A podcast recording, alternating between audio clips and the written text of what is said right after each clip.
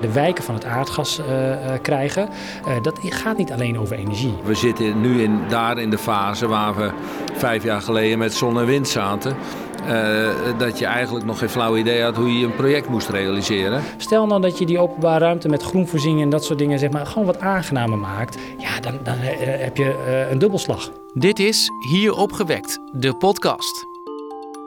Een serie over en speciaal voor energiecoöperaties. Ik ben Maarten Dallinga, freelance journalist. En ik was eind november bij het evenement Hier Opgewekt. Daar verzamelde ik heel veel interessante ervaringen, opvattingen en tips. En die hoor je terug in deze serie. Aflevering 3. Af van het aardgas. Om nog veel meer mensen in beweging uh, te krijgen, uh, moeten we uh, zeg maar ook andere onderwerpen aanraken. Dus zeg maar, vandaag werd ook al, al een aantal keren aangestipt, zeg maar, de wijken van het aardgas krijgen. dat gaat niet alleen over energie. Mm. en ik word heel blij juist van, van het feit dat op het moment dat mensen ook dat met andere onderwerpen combineren. Want zeg maar, dat die com de, de, combinatie van onderwerpen op het gebied van openbare ruimte, zeg maar parkeerproblematiek, veiligheid in de, in de buurt, die kun je dan ook tackelen. Hij legt het zo uit. Roel Woudstra van Buurkracht. Uh, Buurkracht is een onderdeel van de Enexis uh, groep. En uh, wij mogen buurten helpen om samen aan de slag te gaan met energiebesparing en duurzame energie. En Enexis is een van de zeven netbeheerders van ons land. Enexis die heeft tussen de 2 en de 2,5 miljoen aansluitingen. Ja, we zitten vooral in Brabant, Limburg, Overijssel, Drenthe en Groningen. Goed, hij zegt dus... Ja, je kunt energietransitie koppelen aan heel veel onderwerpen die spelen in de, eh, in de wijk en in de buurt. En zo kun je volgens Roel Woudstra de weg naar aardgasvrij flink versnellen. Want uh, op het moment dat je uh, zeg maar voor het aardgasvrij de gasleidingen of andere type leidingen in de grond moet hebben om een nieuwe warmte voor een nieuwe warmteinfrastructuur, dan gaat de, de, de grond op de schop en de openbare ruimte. En dat is een kans, want die openbare ruimte kun je verbeteren. en daar ligt bijvoorbeeld ook de link met veiligheid, met leefbaarheid. Want stel nou dat dat je die openbare ruimte met groenvoorziening en dat soort dingen zeg maar, gewoon wat aangenamer maakt. En uh, uh, samen met buren uh, zeg maar, de, de veiligheid rondom verkeer, veiligheid rondom zeg maar, juist het gevoel van zeg maar, veiligheid ten opzichte van, je, van, van, van de buurt of, of je buren. Als je die zeg maar, kunt verbeteren, ja, dan, dan heb je een dubbelslag. Dus dit is eigenlijk ook meteen een concrete tip voor energiecoöperaties. Dat als ze draagvlak willen voor hun plan, dat je moet kijken of je het kunt koppelen aan andere gebieden, zoals veiligheid, leefbaarheid. Ja, enorm. Dus uh, koppel dat. Uh, uh, ik, vanuit energiecoöperatieperspectief is het heel logisch om gewoon in eerste instantie zeg maar, echt op de energieonderwerp te gaan zitten. Da daar merk je ook dat is de meeste kennis en ervaring over. En dat is ook heel belangrijk voor gemeenten en ook voor buurtbewoners in termen van vertrouwen. dus maak dat plan, maar zorg ervoor dat je in dat plan dus ook andere ideeën van, van, je buren en van de buurtbewoners meeneemt om dat plan beter en groter te maken. zodat dat het beter aansluit op wat de wensen zijn van de, eh, van de rest van de, van de buurt. Uh, en dat je daarmee dus ook kunt, kunt, la kunt, laten zien bij de gemeente dat je daadwerkelijk een grote groep bewoners in beweging krijgt voor jouw plannen.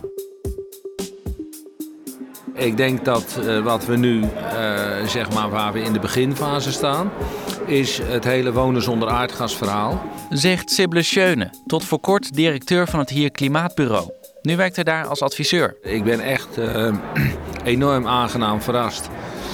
Uh, zeg maar de eerste workshop die ik vandaag had. Uh, daar waren, nou ik schat wel een kleine 200 mensen. En daar waren ongelooflijk veel mensen van bewonersgroepen, coöperaties die aan de slag gaan. Maar ja, zeg maar, we zitten nu in, daar in de fase waar we vijf jaar geleden met zon en wind zaten. Uh, dat je eigenlijk nog geen flauw idee had hoe je een project moest realiseren. En uh, wonen zonder aardgas is nog een paar slagen moeilijker. Dus daar zullen we heel veel moeten doen aan kennisontwikkeling en, en kennisdeling. Ook tools moeten ontwikkelen om medebewoners mee te krijgen. noem alles maar op. Wat is volgens hem dan precies de rol van energiecoöperaties als het gaat om aardgasvrij wonen? Dat verschilt een beetje. Kijk, in dorpen zijn energiecoöperaties uh, ja, zeg maar, is, bijna automatisch op wijkniveau georganiseerd. Uh, in steden is dat heel anders. Er zijn energie, dus in dorpen kan een energiecoöperatie zelf met wonen zonder aardgas aan de gang. In steden zul je van een gemeentelijke organisatie naar een wijk- en een buurtorganisatie toe moeten. En kan bijvoorbeeld de coöperatie, dat zie je op allerlei plekken, ook ondersteunend zijn aan uh, bewonersgroepen. dat uh, zie je bijvoorbeeld uh, in Wageningen. Daar heeft Vallei Energie heel goed ondersteuning geboden aan het bewonersinitiatief in Wageningen. Nou, dat zie je in Groningen gebeuren. Dus je ziet dat. dat en coöperaties kunnen natuurlijk meerdere rollen pakken. En, en, maar ik denk. ja, je moet gewoon toe naar een, een, een organisatieniveau op wijken.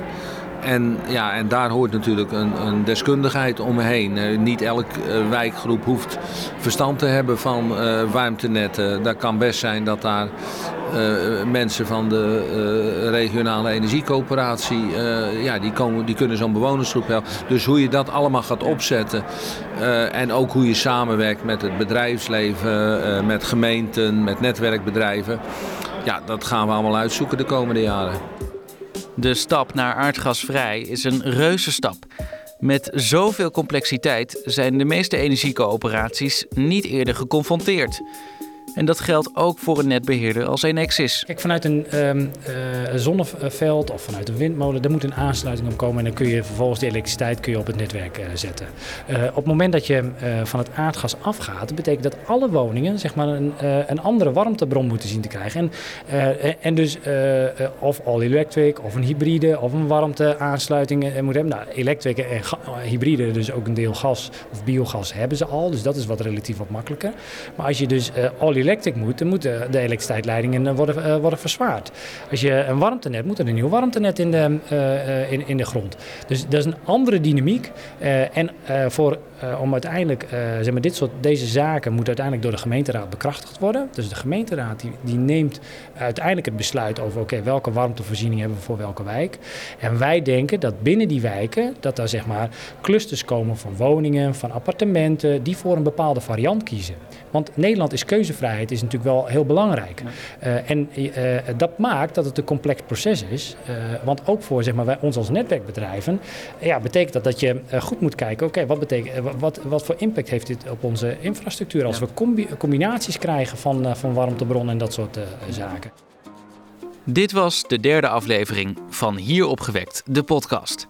In aflevering 4 van het aardgas af en dan? Energiecoöperaties kunnen daar voor mij een fantastische rol in spelen als het gaat ook om de uh, brug te slaan uh, tussen een buurt uh, en een gemeente bijvoorbeeld. Maar ook om een energievoorziening echt weer heel lokaal te maken.